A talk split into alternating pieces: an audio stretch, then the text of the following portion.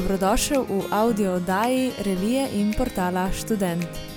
Z gosti se pogovarjam Tjaša Božič. Hej in lepo pozdravljeni vsi, ki ste z nami v novi epizodi podcasta. V tokratni epizodi se bova z mojim današnjim gostom pogovarjala o zelo pomembni temi, s katero se vsi srečujemo vsakodnevno, oziroma večkrat dnevno, če sem bolj natančna.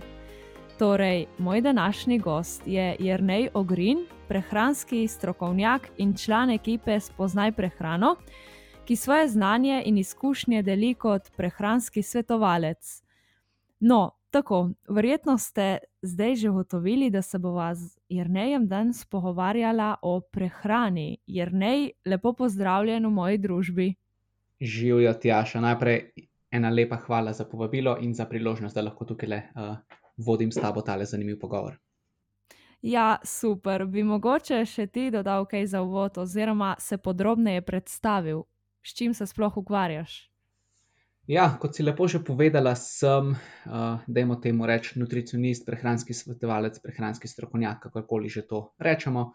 Poleg tega, da se ukvarjam s svetovanjem, um, nekako poskušam tudi preko socialnih omrežij ljudem povedati, pokazati dejansko v praksi, da je prehrana lahko zelo zabavna, zelo fino, uh, fino stvar in da si z njo lahko močno pomagamo, ne pa da je to neko breme, ki ga marsikomu še vedno prehrana pač predstavlja.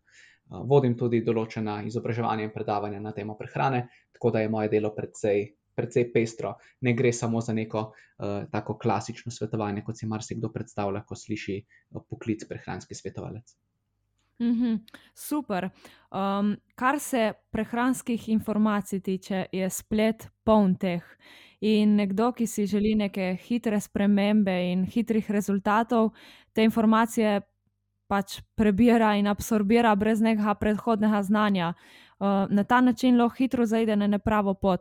Na kaj bi ti rekel, da je treba tukaj biti pozoren pri sprejemanju teh informacij o prehrani? Tukaj si pa ti dala že zelo dobro istočnico, uh, s, či, s katero bom začel tale odgovor.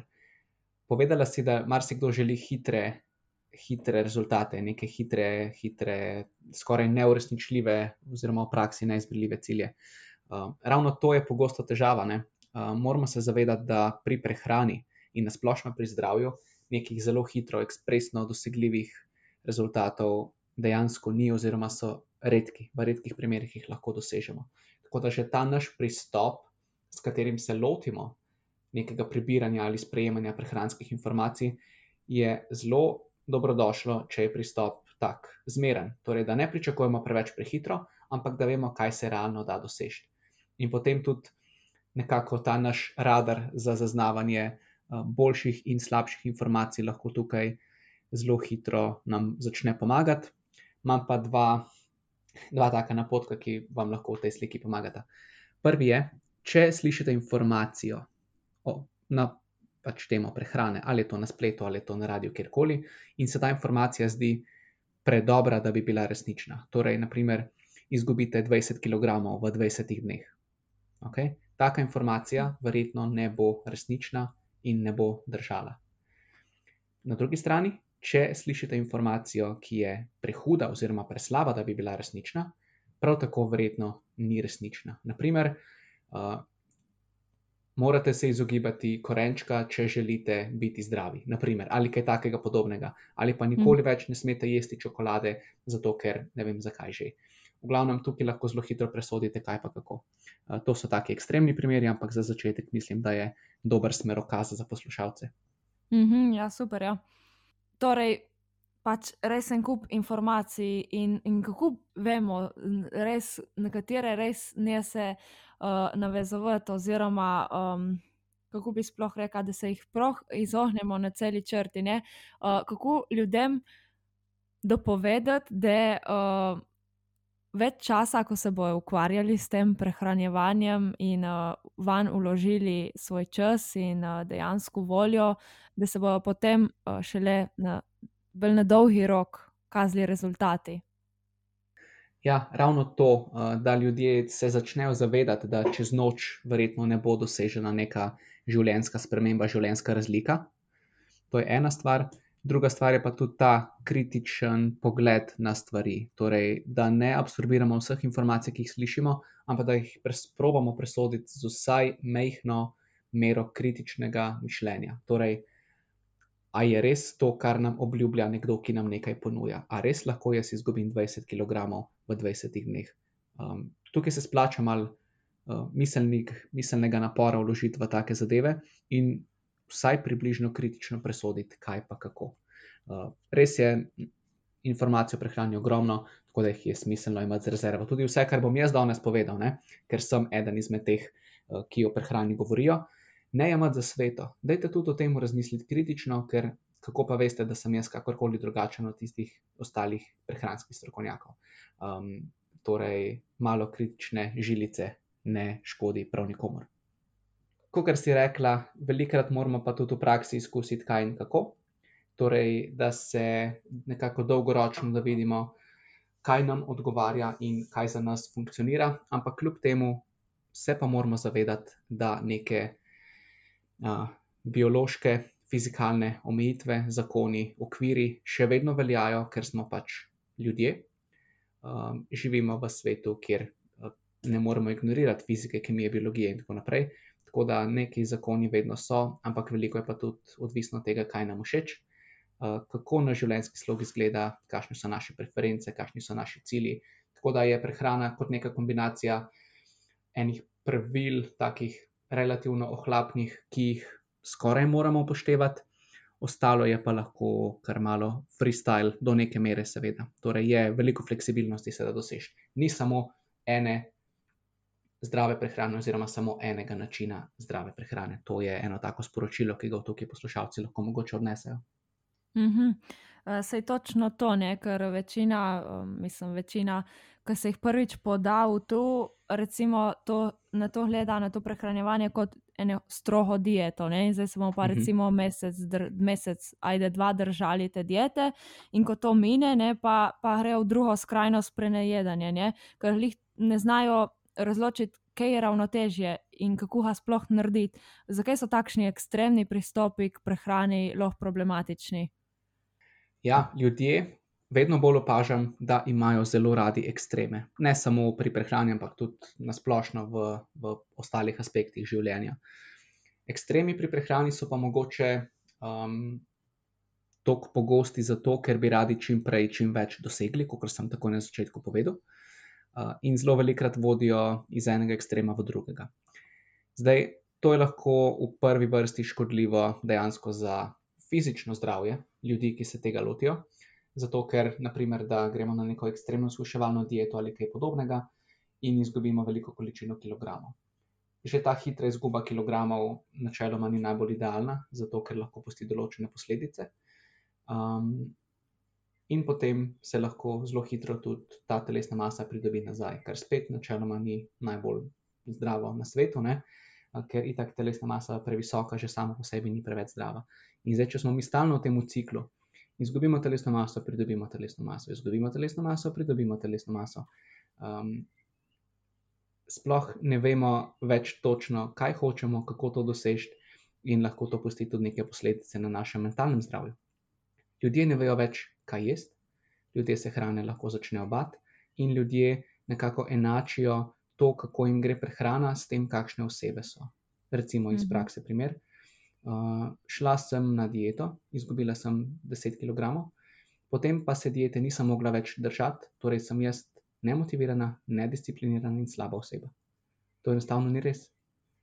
Uh, ne krivite tega na sebe, dajte to kriviti mogoče na pristop, s katerim ste se tega lotili.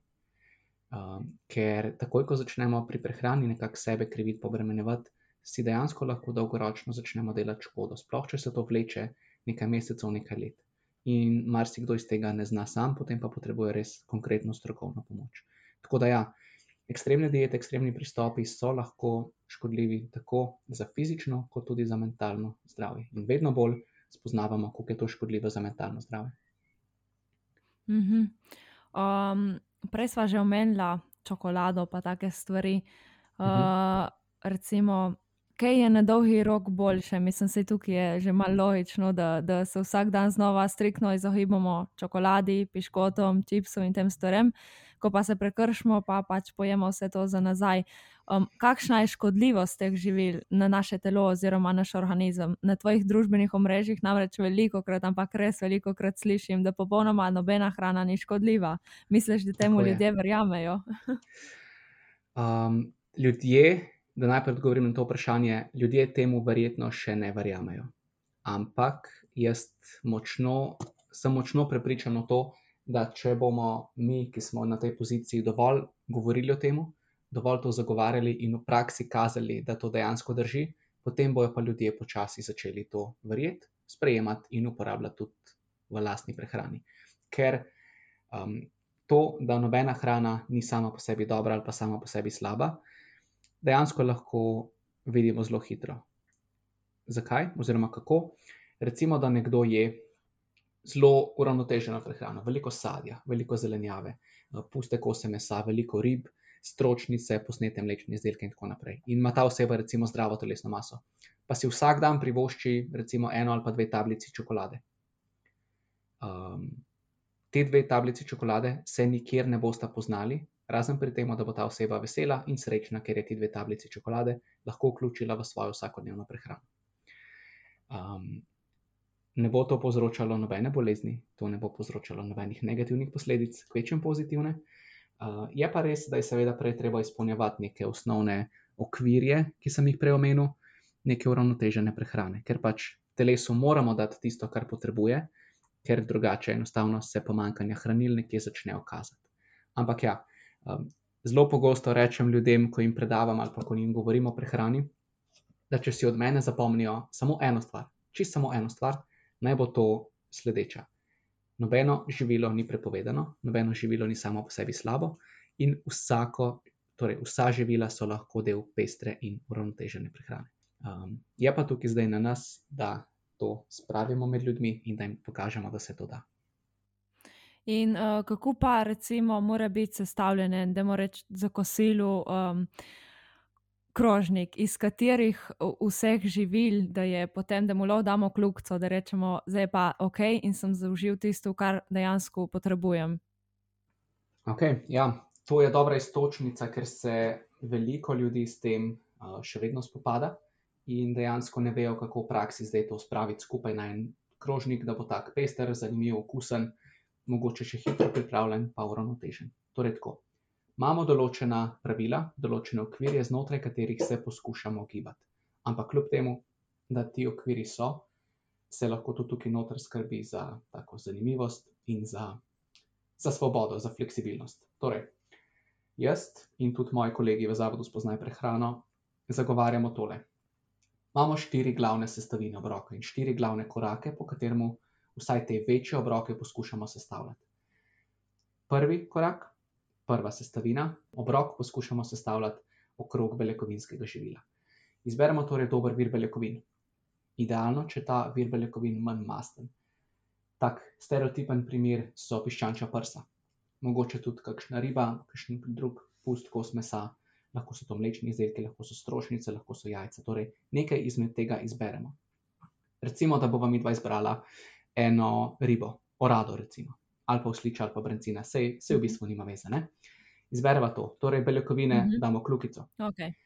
Druga, uh, uh. -huh. drugo, drugi korak je ta, torej beljakovine, ok, vse so nasitne, vse so super, vse so hranljive, ampak rabimo še nekaj volumna. Rabimo volumen, rabimo vitamine, rabimo prehransko vlaknino. Zato izberemo neko tako, da moramo reči, znatno, torej veliko porcijo zelenjave katero zelenjavo izberemo, v bistvu nima veze, samo da zelenjava je del obroka. Za zraven ribe bi jaz izbral tukaj le, recimo, kakšno špinačo, mogoče kakšno tako zanimivo solato, ali pa recimo pečeno papriko, lahko tudi brokoli. Vse tukaj res nima veze, no, ampak neko tako veliko količino zelenjave. Beljakovine so predstavljale eno četrtino krožnika, če ga razdelimo na četrtine, Mhm. zelenjava predstavlja največji del krožnika in recimo dve četrtini, torej eno polovico. Lahko je zelenjava mešana, lahko je samo ena, ima veze. Torej, beljakovine prvič, zelenjava drugič. Ostane nam še ena tretjina krožnik, oziroma ena četrtina krožnika nezapolnjena, sem pa vključimo en dober vir oglikovih hidratov. Tukaj lahko izberemo med krompirjem, med polnozrnatimi testeninami, kakšno ajdovo kašo, mogoče proseno kašo, če nam paše, kuskus, tudi kruh, polnozrnat kruh je lahko super. Verjetno sem še kaj pozabil, ampak um, sej mislim, da so poslušalci razumeli. Uh, dodamo oglikove hidrate. Tako, zakaj oglikove hidrate? Zato, ker so full dobri, Ja, ja, ja, to je bistvo. prva stvar, ker jih imamo vsi radi, Mhm. zato, ker so nasitni in zato, ker v, v normalnih, v zmernih količinah povsem primerno pašejo v tako dobro sestavljen obrok. Zdaj, tri korake smo torej izpolnili: beljakovine, zelenjava in ogljikovi hidrati. Tako, ne smemo pozabiti še na neke maščobe. Na kakšen način maščobe zdaj dodajamo v tak obrok? Um, v tem primeru, pri nas, ko smo imeli ribe, bi lahko maščoba bila že tista, ki smo jo uporabili za neko toplotno obdelavo ribe. Torej, če smo ribo pekli na olju oziroma na ponvi, uh, je to olje, ki smo ga uporabili, dober vir maščobe v tem primeru. Če smo zraven pojedli solato, je tudi olje v solati lahko vir maščobe. Zdaj, če pa nimamo nobenega živila, na katerem smo toplotno obdelovali našo hrano, so pa lahko v obroku vključena živila, ki maščobo že sama po sebi vsebujejo. Recimo, dobri primeri takih živil so mastne ribe, losos, skuša, sardela. Potem so tukaj še razni oreščki, avokado, različna semena, tukaj lahko um, se kar malo igramo s temi dobrimi viri maščob. Tudi kakšen bolj masten kos mesa vsebuje maščobe, seveda, ampak načeloma bolj pogosto izbiramo rastlinske vire, ker so po svoji maščobno-kislinsko sestavi nekoliko bolj primerni dolgoročno za naše zdravje. In smo sestavili obrok, torej beljakovine, zelenjava, ogljikovi hidrati in um, nekaj zdrave maščobe. Zdaj, ker si ljudje to še vedno zelo težko predstavljajo v praksi, bom povedal še par primerov po istem kupitu.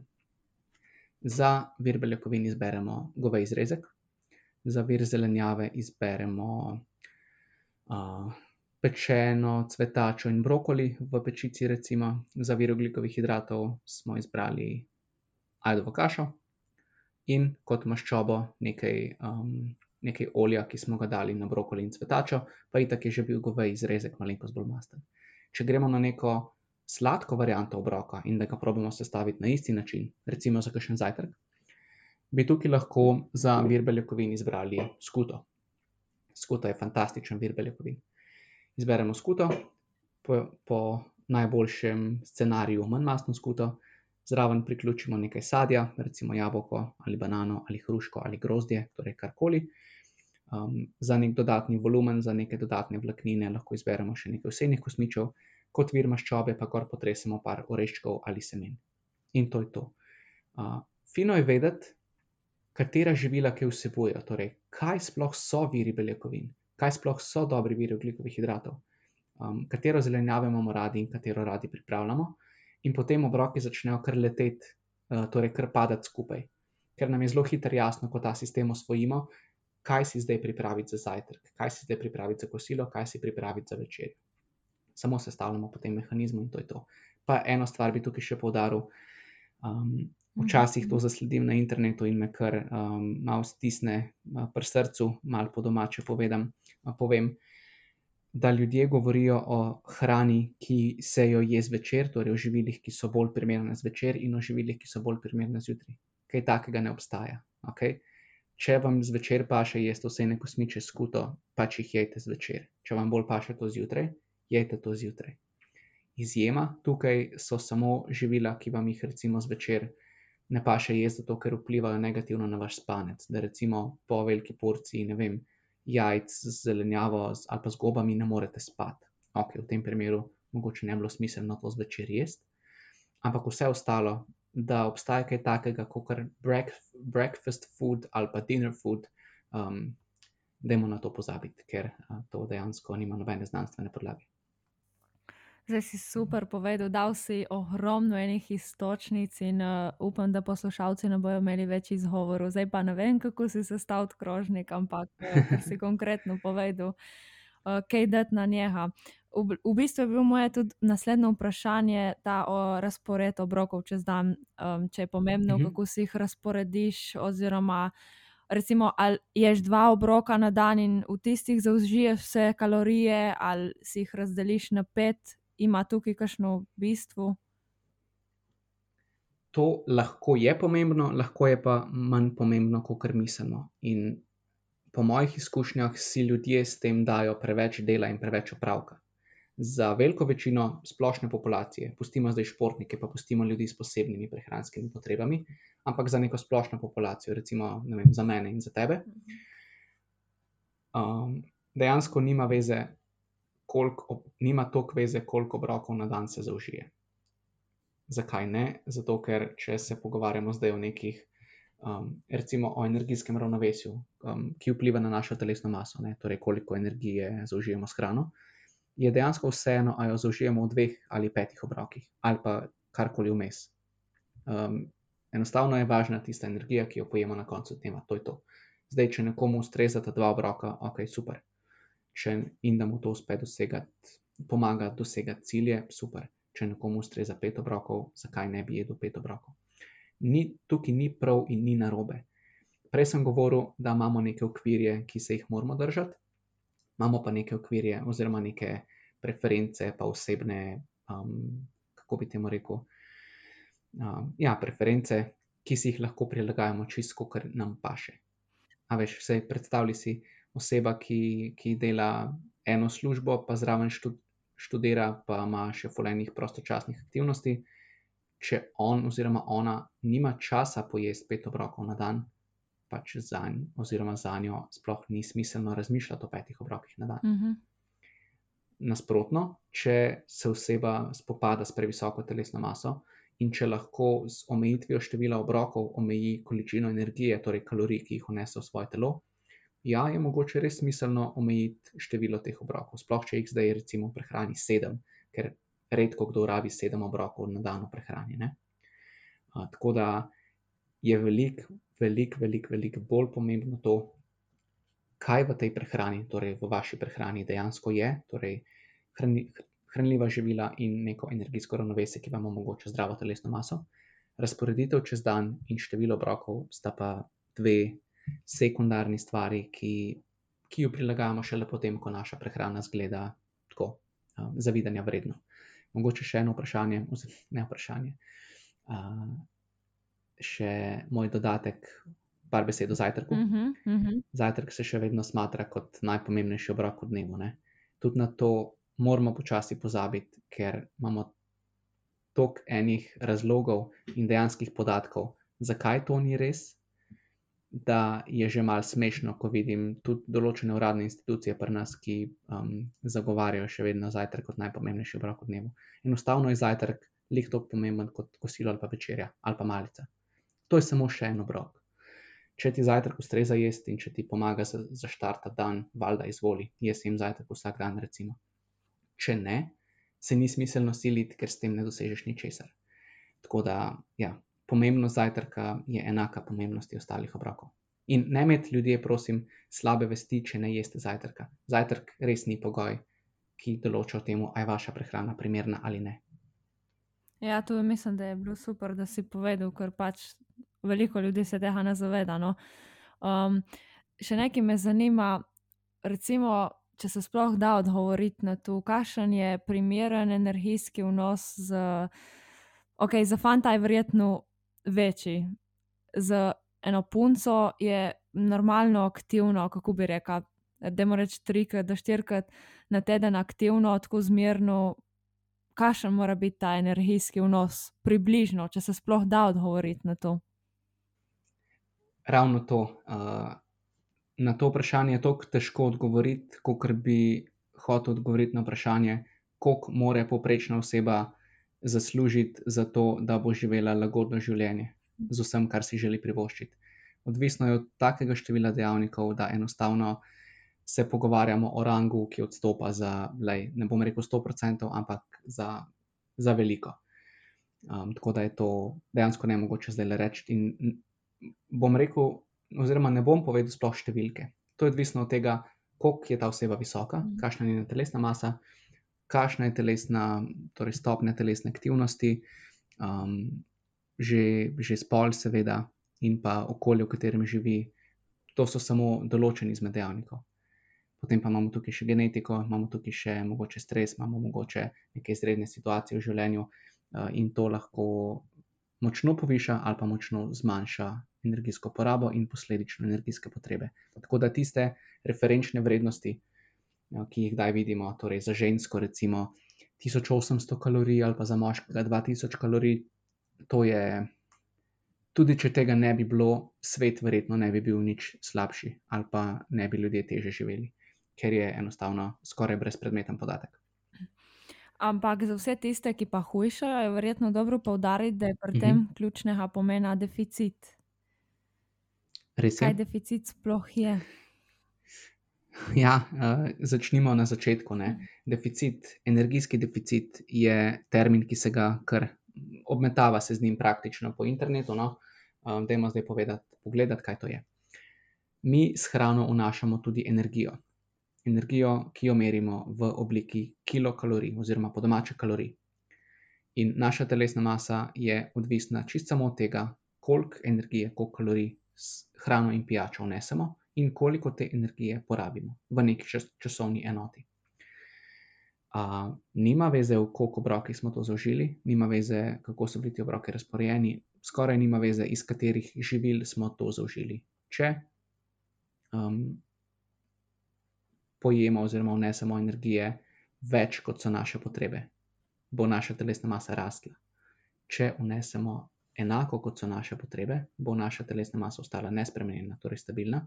In če vnesemo manj, kot so naše potrebe, bo naša telesna masa padla. Seveda, če recimo predpostavljamo, da so energijske potrebe nekoga 2000 kilokalorij na dan, in če ta oseba en dan zaužije recimo 1600 kilokalorij. Ja, teoretično ta oseba je v energijskem deficitu, ampak če bo samo en dan ta deficit vzdrževala, se izguba telesne mase praktično nikjer ne bo poznala, ker je minilo premalo časa. Za neko dejansko izgubo telesne mase je pač treba energijski deficit voditi dlje časa, odvisno koliko časa je odvisno od tega, koliko telesne mase imamo za zgubiti ampak uh, nič se ne zgodi čez noč, tako da je treba kar biti ustrajen. Pa lotiti se tega, seveda, po pameti, ker nobeni ekstremi niso dobri, to smo povedali takoj, takoj na začetku. Um, ja, bom se tukaj ustavil, bojo mogoče še kakšne pod vprašanja, da bomo lahko bolj specifično na to odgovarjali. Ja, v bistvu me zanima, kako ključnega pomena je tudi gibanje tukaj, ker uh, mislim, koliko procentov vpliva hrana, koliko pa gibanje, ker sem doskrat slišala, da je predvsem hrana, tista ključna.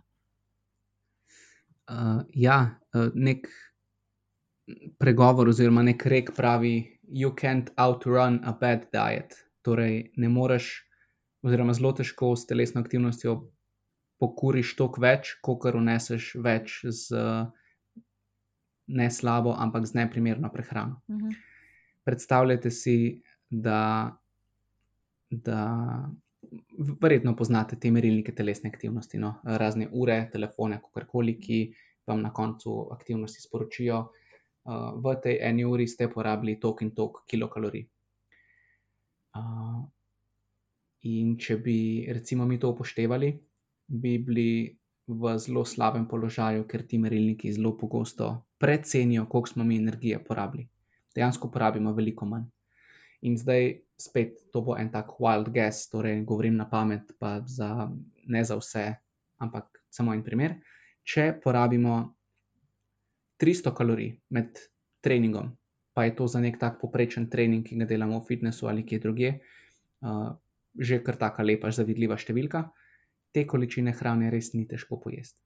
Torej, za 300 kilokalorij pojemo, pojemo 100 gramov Ne, pojemo pol litra jogurta, približno. To ni nič. Ja, um, ljudje pa mislijo, da ja, sem bil na treningu, zdaj pa lahko jem neomejeno ali niti večerjo. Ja, verjetno to res ni tako. Ne? Torej, ja, prehrana in telesna aktivnost so obe zelo pomembni pri izgubi telesne mase. Uh, ne bom rekel, s čim se da doseči več, ampak je verjetno lažje uh, pri prehrani delati take spremembe, ki bodo vse bolj poznale kot s telesno aktivnostjo, ampak, ampak je izguba telesne mase, uh, kateri je pridružena telesna vadba, sploh tista telesna vadba za moč, za, um, ja, za moč, vadba s bremeni, uteži in tako naprej. Ta izguba telesne mase bo veliko bolj kvalitetna, zato ker bomo zadržali več mišične mase in bomo res izgubljali večinoma samo maščobo, ne pa še teh uh, mišic in ostale funkcionalne mase, ki jo pač krvavo rabimo in krvavo hočemo dejansko imeti. Uh, tako da tisti, ki se odločate za neko izgubo telesne mase, največ boste imeli od tega, če delate oboje naenkrat. Torej, da malo popazite na prehrano, pa da najdete telesno aktivnost, v kateri uživate in katero z veseljem delate in se jo vidite delati dolgoročno. Če greste za en teden v fitness, se to ne bo nikjer poznalo. Žal. Tudi, um, če greste za en teden na dieto, se seveda ne bo poznalo, ampak ja, sej veste, kaj mislim. Tako da oboje skupaj da vedno najboljše rezultate, uh, če je oseba na to seveda pripravljena, če je to zmožna delati in um, če, če to sploh želi delati. Če pa se odločite samo za eno, je pa verjetno bolj smiselno popaziti na prehrano. Uh, super. Uh, zdaj bi se pa bi, bi v bistvu obrnila temo še na te uh, dodatke k prehrani, recimo proteine. No? Um, uh mhm. -huh. A so proteini kot dodatek prehrani za tiste, ki res redno športajo, so fizično fulaktivni, ali lahko te proteine kot dodatek jedo tudi tisti, ki so recimo manj fizično aktivni, recimo enkrat, dvakrat na teden in ne tako intenzivno? v bistvu telesna aktivnost ni pogoj za to, ali so beljakovine v prahu za kogarkoli primerne ali pa ne primerne. Beljakovine v prahu so samo malenkost, ne malenkost, so skoncentriran vir mlečnih beljakovin. In jih lahko smatramo že skoraj kot živilo, in ne kot prehransko dopolnilo. Mogoče bom dobil ful enega hejta ali pa kontroverznosti za tole izjavo, ampak dejansko, dejansko je zelo tanka meja tukaj. Uh mhm. -huh. Kokorkoli. Um, Kar se tiče beljakovin v prahu, lahko so običajen del posameznikove prehrane, pa če je to posameznik iz športa ali pa ne. Če nekomu, ki ne športa, um, ne uspe z običajno prehrano vnesti dovolj beljakovin, ja, seveda, zakaj pa jih ne bi poskušal dodati tudi z beljakovinami v prahu. Seveda jih najprej probamo dodati z neko uravnoteženo pestro prehrano, ampak če imamo na izbiro tudi to, zakaj pač ne. Ker dajmo si priznati, Beljakovine v prahu so najprej zelo hranljive, torej zelo kakovostne in zelo dobro prebavljive. Um, po drugi strani so tudi zelo poceni in pa predvsej praktične, pa okusne. Tako da jih tukaj res lahko brez neke slabe vesti ali pa brez težav vključimo v prehrano, če seveda to hočemo. Niso pa nujne. Jaz osebno jih pač uporabljam, zato ker so mi zelo lep dodatek zajtrku, ker so mi okusne, ker so praktične. V glavnem, ne vidim razloga, zakaj jih ne bi. Zdaj, če se opišete v fitness in če mislite, da takoj rabite beljakovine samo zato, ker ste se v, torej v prahu, ker ste se opisali v fitness, ni nujno. Če jih želite, seveda, če vam to pomaga dosegati dovolj visoko nos beljakovin, seveda, zakaj pa ne. Ampak vedno najprej poskušamo s prehrano in šele potem posegamo po nekih dopolnilih. Super, odlično. Um, prej si omenil oziroma naštel nekaj teh uh, obrokov, kako naj bojo sestavljeni. Zdaj me pa za konec zanima še, kako je sestavljen oziroma iz česa. To je najljubši zajtrk oziroma katero je tisto živilo, brez katerega si ne predstavljaš svojega življenja, če je kršno.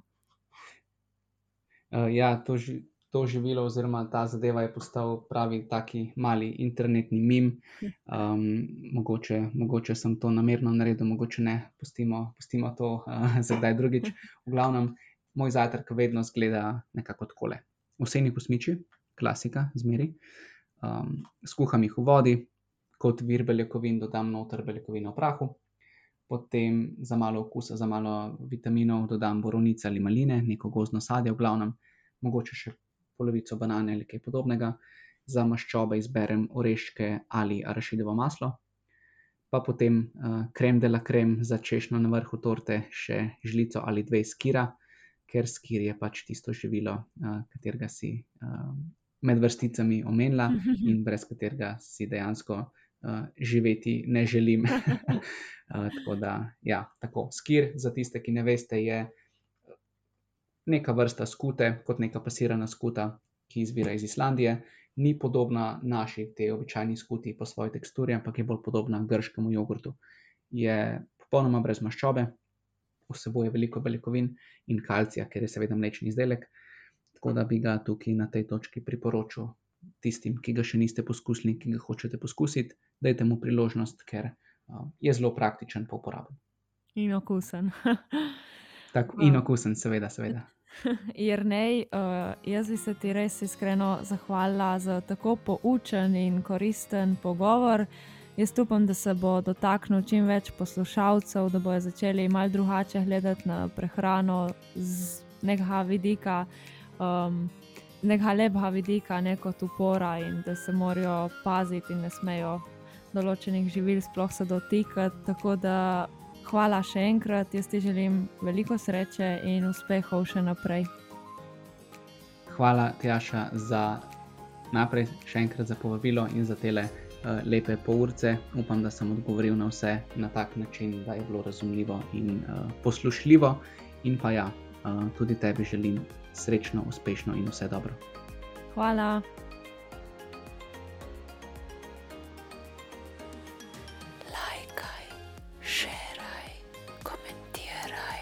In nam povej, kaj bi rad slišal v prihodnih audio oddajah. Ideje lahko najdeš v reviji Student in na spletnem portalu www.student.com.